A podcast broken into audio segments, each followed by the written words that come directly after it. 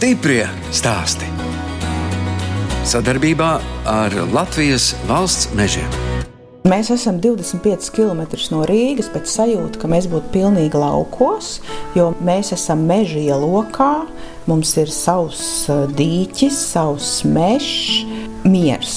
Man dažkārt cilvēki zvana pa telefonu nu, pārsteidziet mani, kas tad te būs. Un tad, kad tas cilvēks jau ir atbraucis šeit, viņš saka, vai ko jūs man neteicāt, kad es runāju ar saimnieci? Es domāju, ka es runāju nu, ar kaut kādu recepcijas darbinieku. Nē, nē, viesunamos saimnieki ir viss. Viņi ir pavārs, viņi ir sētnieks, piāra cilvēks. Tā saka Ilze Bērziņa, Salaspils novada Salaspils pagasta viesunama ārpus laika saimniece.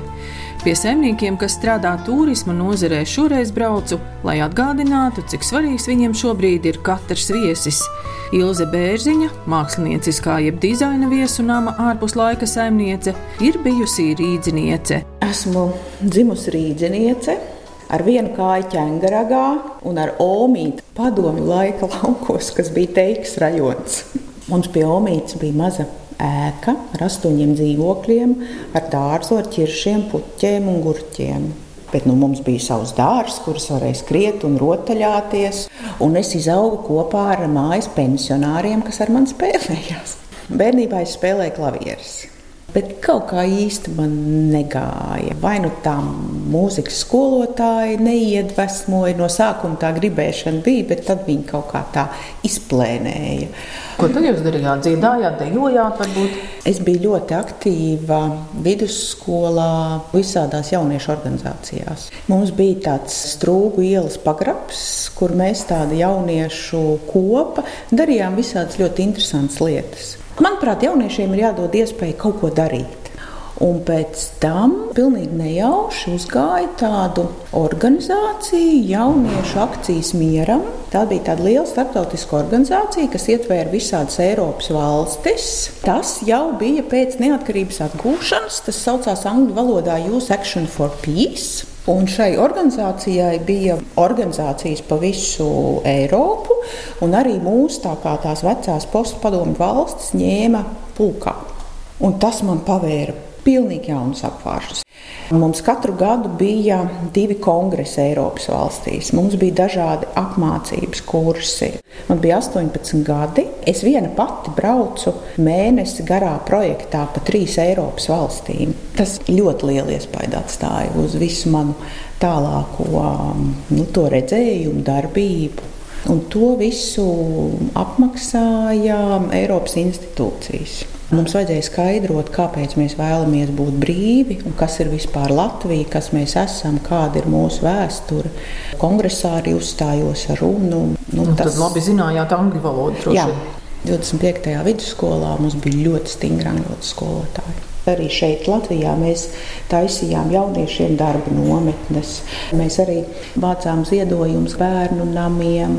Mēs gājām un uzrunājām uzņēmumus. Varbūt jūs varētu noziedot konfekts, konservus. Vienu gadu Ziemassvētkos mēs uztaisījām teātri. Un ar visām tām dāvanām braucām uz bērnu namu. Neatceros vairs kādu. Mēs visu laiku bijām aizņemti. Mēs katrs, protams, studējām. Mēs bijām diezgan daudz politikas un starptautisko attiecību studenti. Kāpēc tāda izvēle politika? Ne tā, ka jāiet ir politiska partijā, bet būtu forši studēt politikas zinātni. Mēs bijām pirmais, otrais gads politikas studijās. Mums bija ārkārtīgi jauka pasniedzēja Žaneta Ozoliņa kas vilka tos ārzemju pasniedzējus un deva mums, cik vien bija iespējams, lai mums būtu tas skats. Tad, kad jaunieci aiziet studēt politikas zinības, jums bija kaut kāds priekšstats, ko jūs pēc tam darīsiet pēc tam studijām? Laikam nē. Atskaitot to, kad es teicu, ka es būšu valsts prezidents. Tas bija joks vai nopietnība? Grūti pateikt, bet es šodien uztveru to kā tādu mērķi. Jūs, jums vienmēr ir bijušas tādas lielas ambīcijas? Vispār jā. Bet šodien gan es vairs negribu kļūt par prezidentu. Un kāpēc ne? Šodien es saprotu, ko nozīmē būt prezidentam tev ir jābūt tādam īpašību kopumam, lai tu būtu prezidents. Un ar šodienas kritisko aci es redzu, ka man nav šis īpašību kopums, un arī man dzīves uztvere vairs nav tāda, kas gribētu būt šādā amatā.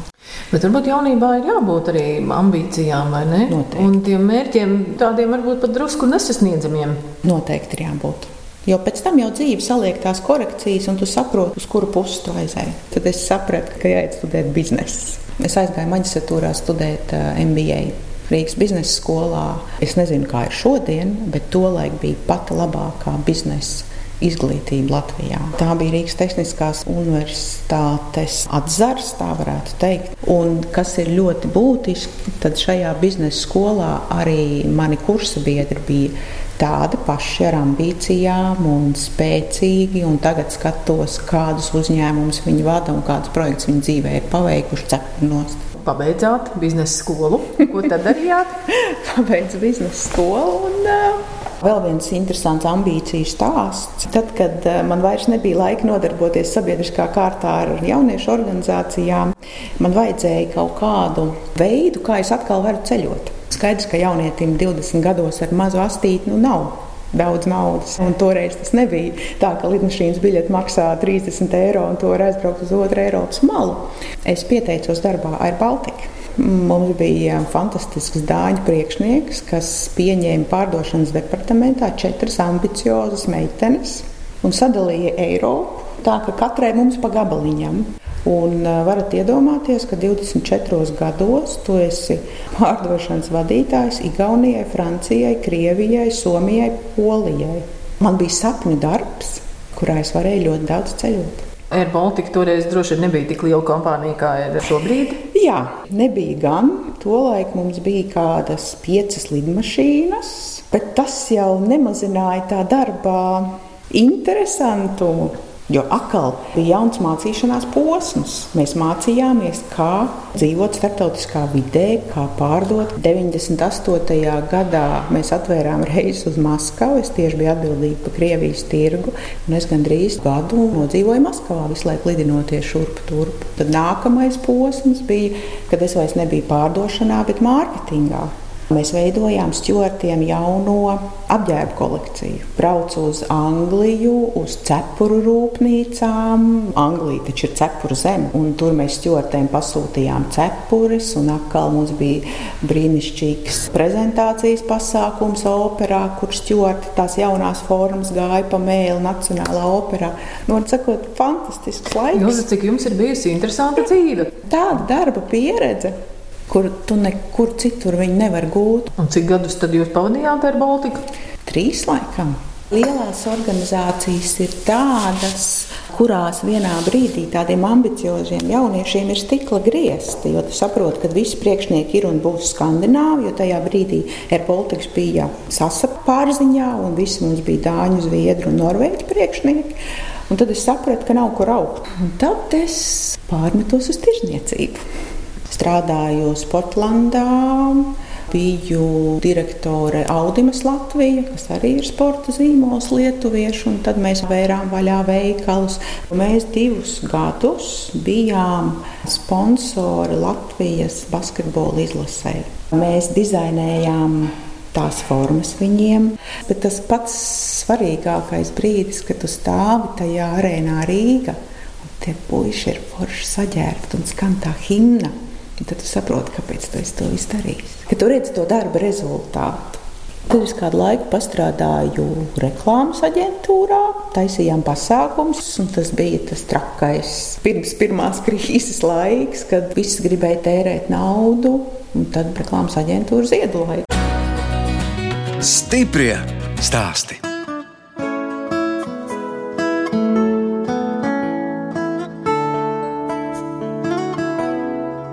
Jūs klausāties raidījumu stipri stāstī.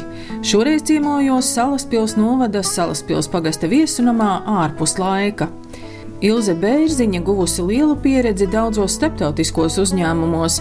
Viņa sāka arī doktorantūras studijas un pastrādāja kā pasniedzēja augstskolā, bet iepriekšējā darba pieredze bija ceļš līdz ģimenes biznesam. Pirms pusotra gada Ilze un viņas vīrs Jānis gan neplānoja veidot viesunamu, bet celt kupolu mājas. Vīrs uztaisīja prototipu Tādu nelielu daļu no tās mājas mēs atrādījām Brīvdabas muzeja gada tirgu un tādu parādes gada tirgu, kur mēs katru gadu piedalījāmies ar saviem šūpuļtīkliem. Un mums nāca klāt cilvēki, un viņi teica, kā tas ir dzīvot apaļā mājā. Un tad mēs sapratām, ka nav cita varianta. Mums ir jākļūst pašiem sev par pirmajiem klientiem. Tas viss sakrita ar to domu, ka mums ir jāceļ viesu māja, jo pašiem sava māja mums ir. Man ir ļoti skaisti iekopts dārsts, no kuras neiešu nekur projām. no sākuma vīrs gribēja uzcelt tādu vienu mazu kupola mājiņu un pamēģināt. Es teicu, nē, nē nu, tur nekā interesanta nav. Tā tas izauga līdz šai mājai un līdz viesunamam. Ir to uzzīmēju uz rūtiņu lapas. Tad mēs lūdzām kad jau bija kaut kādi tehniskie parametri salikt to programmā, pārbaudīt visas šīs slodzes, šīm pārējām, tad um, ķerāmies pie būvniecības. Šobrīd mēs esam vienīgā Latvijā nodota publiska ēka, koku kupolmāja. Vīrs pats arī būvēja, vai Jā, bija palīdzējis? Pilnīgi visu, ko jūs redzat, kas ir no koka, ir viņa būvēts. Ieskaitot arī šīs mēbeles, kurās mēs sēžam, Tas ir viss viņa darbs. Ēka ir siltināta ar salmiem un mālu. Mums vajadzēja dabūt to veco padomu laika ķīpotāju, lai dabūtu tās četrkantīgās ķīpas. Apkurinām mēs ar granulu katlu caur grīdām. Tās ir siltās grīdas, un šī ir energoefektīva māja. Kad mēs šo māju nodevām, un šeit jāsaka paldies Salaspils būvvaldei, kas bija tik drosmīga un atļauj mums būvēt šādu māju, jo nekur analoga nav. Viesu namu ārpus laika Ilze Bērziņa sauc par māksliniecisku viesu namu. Katra telpa iekārtot atšķirīga, apgleznotas ir arī sienas. Visas istabas ir kaut kādas mākslas idejas iedvesmotas. Un šī ir Miro istaba ar viņa citātiem uz sienas. Miro ir spāņu mākslinieks, kuram ir ļoti saudabīgs savs rokraksts. Vienā no saviem dzīves un mākslas posmiem viņš zīmē ļoti līdzīgi, kā to darītu bērni. Tad vienu istabu mēs esam veltījuši Miro, un vispār šo ēku mēs kopā esam veidojuši ar mākslinieci Ilzu Krastiņu. Es izdomāju idejiski, kas šeit varētu būt, mākslinieci Ilza Krastiņa mums palīdzēja ar krāsām un ar savu māksliniecisko redzējumu.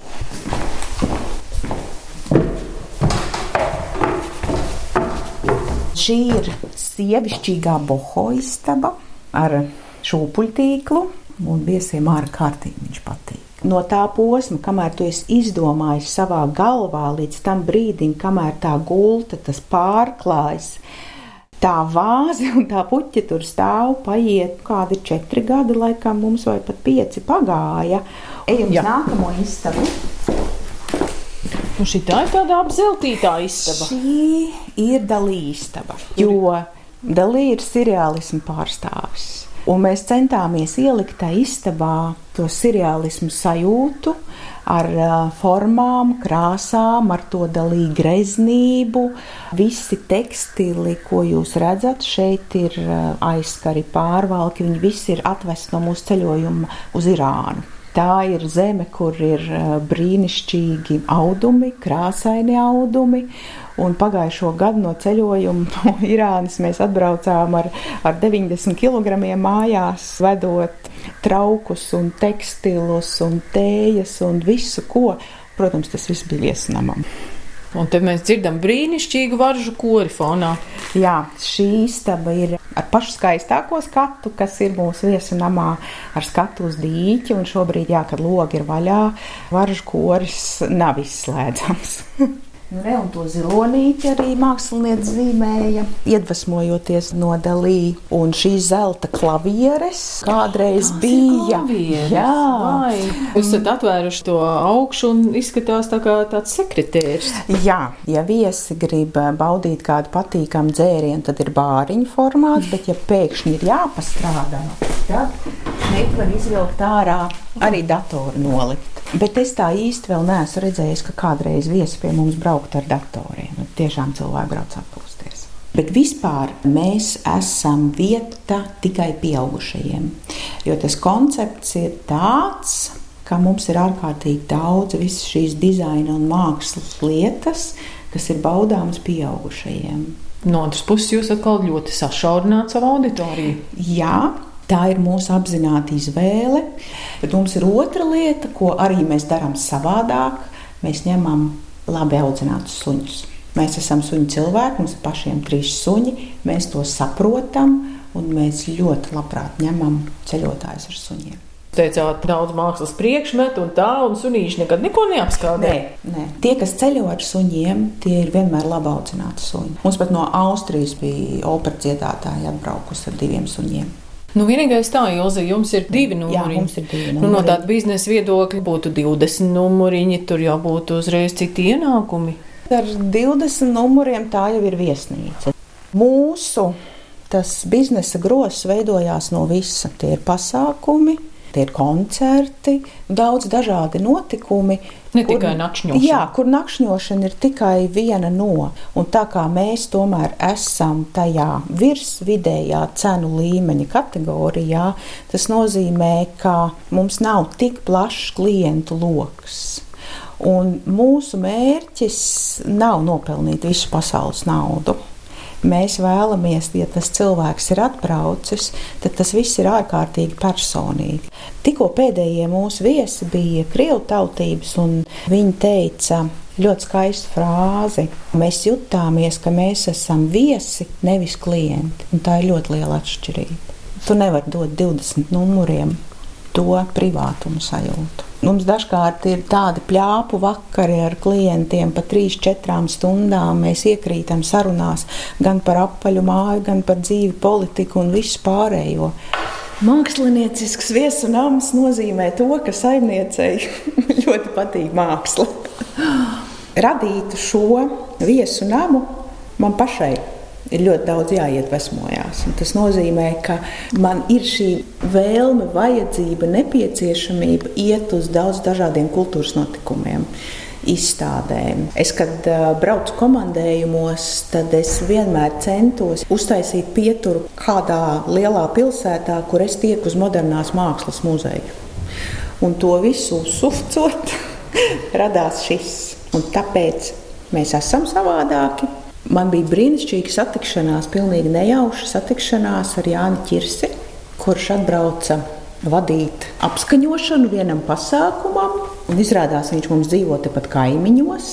Mēs labi sadraudzējāmies un izdomājām, ka ir jātaisa šeit koncerti. Un tā no novembra šeit, šajā kupolmājā, reizi mēnesī, fantastiski mākslinieki ar brīnišķīgiem koncertiem. Un tas, ko mēs varam dot klausītājam, ir tas absolūtais privātums. Jo starp mākslinieku un pirmo rindu ir labi, ja viens metrs, un tu redzi visas kustības, tu jūti katru ielpu.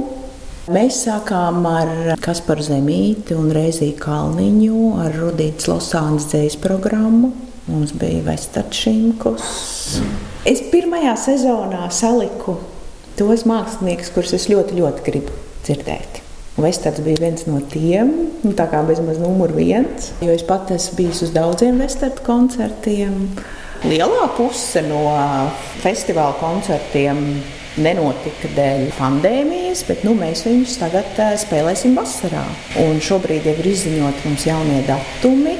Un es ļoti, ļoti gaidu, kad atkal šeit skanēs mūzika, un atkal būs cilvēki. Un Maija brīvdienās mums bija ļoti daudz viesu. Tas nozīmē, ka cilvēki bija izslāpuši kaut kur doties, piedzīvot, redzēt. Un es ļoti ceru, ka cilvēki vēlas uz kultūras pasākumiem nākt. Un vienā dienā es ravēju dārzu, un man zvana telefons, un viens vīrietis saka, labdien, sakiet, kad jums atkal būs kultūras pasākumi. Es saku, nu, tik līdz Viņķels kundze atļaus, mēs noteikti, un es šo solījumu turu, un, un rekurs augriežos mums ir pirmais pasākums ar gongiem, kas atkal būs kaut kas pilnīgi jauns un nepiedzīvots. Es pati neesmu bijis nevienā gongu pasākumā. Savā ziņā tās ir tāds labais bonusiņš, ka tie mākslinieki atbrauc pie tevis uz mājām un nospēlē to koncertu. Stiprie stāsti.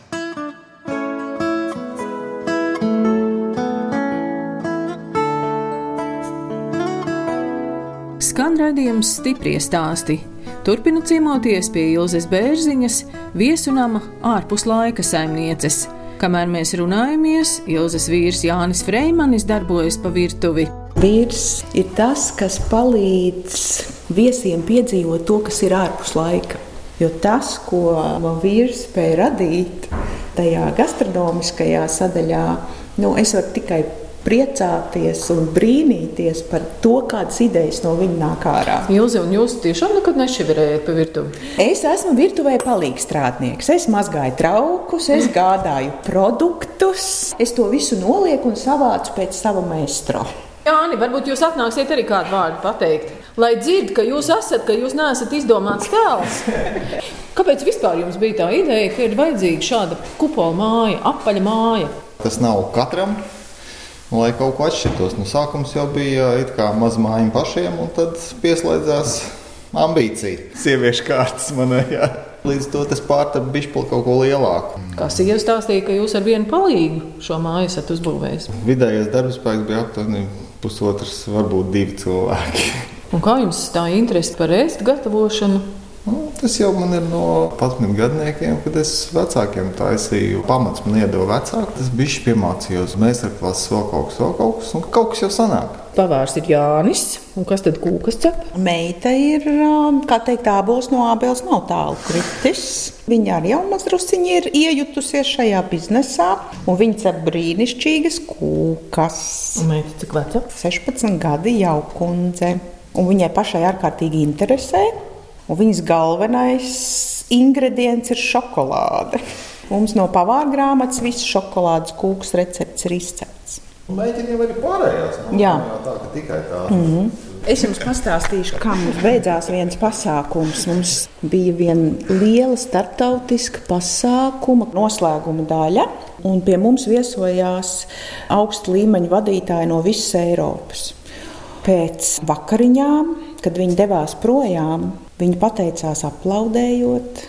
Bezmaz katrs uzskatīja par svarīgu atnākt un paspiest mums roku. Visi saka, mums ir ģimenes biznesa, bet nu, bieži vien jau ir tā, ka tur pa virtuvi šī varēja tur strādnieciņi un nu, ir daudzi palīgi. Ja? Bet jums tiešām šis ir ģimenes bizness. Jūs to visu darat divi tā.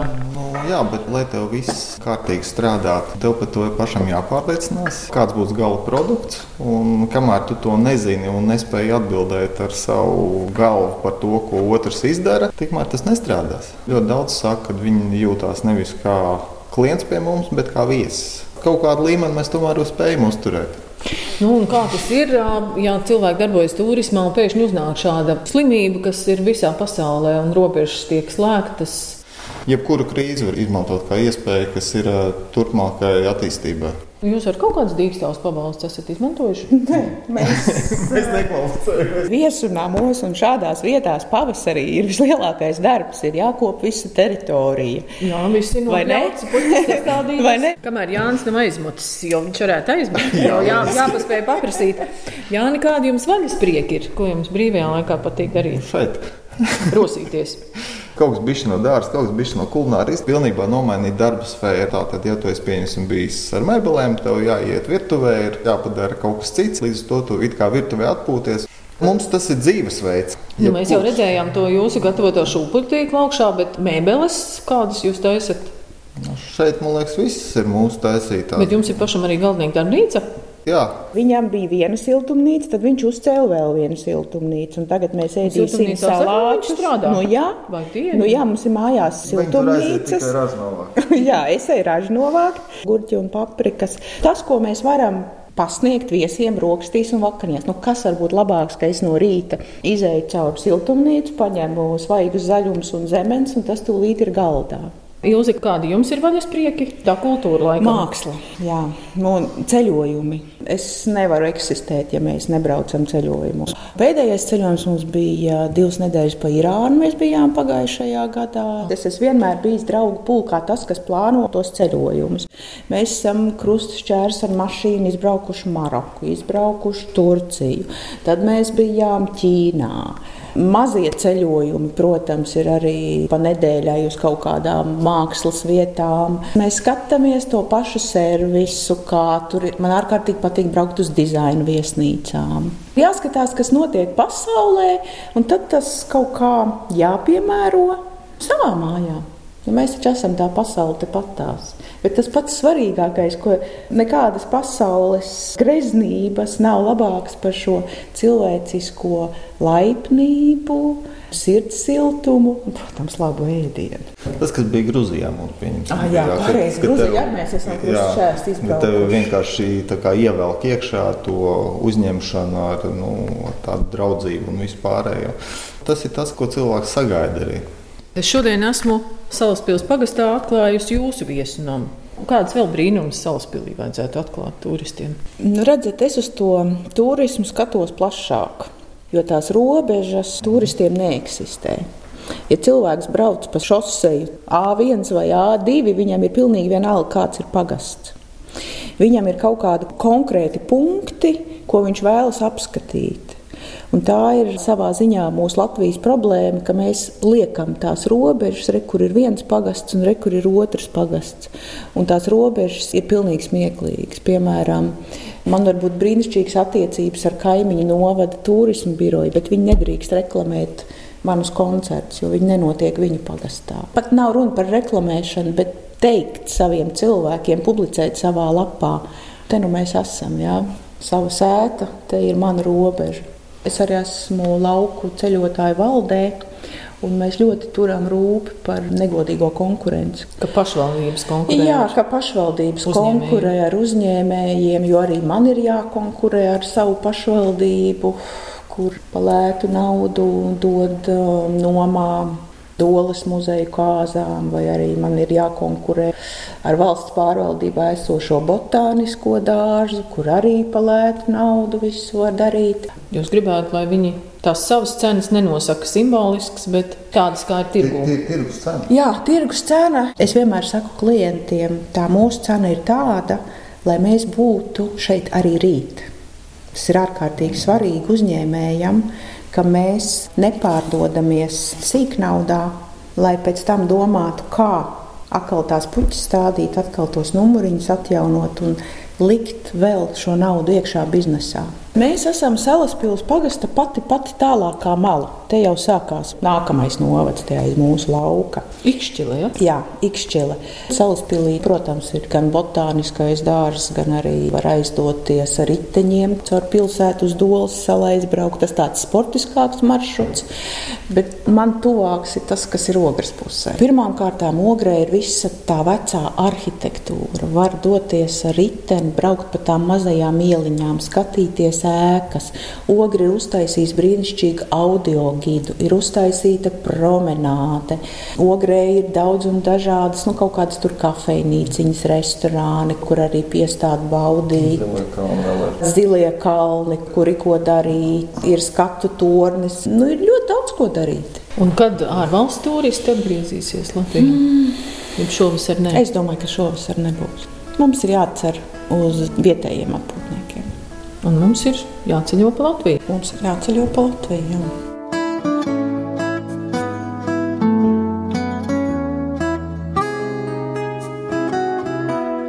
Raidījums stipri stāst izskan, un es atvados no Ilzas Bērziņas un Jāņa Freimaņa viesunama ārpus laika saimniekiem Salaspils novada Salaspils pagastā.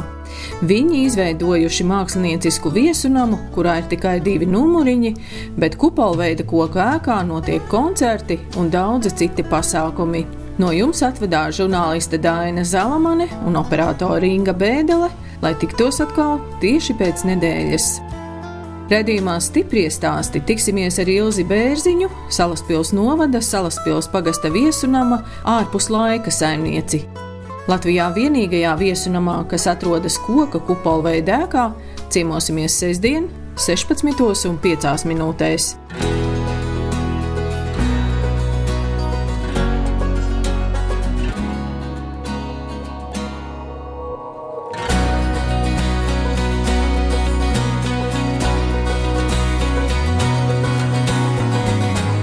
Stiprie stāsti.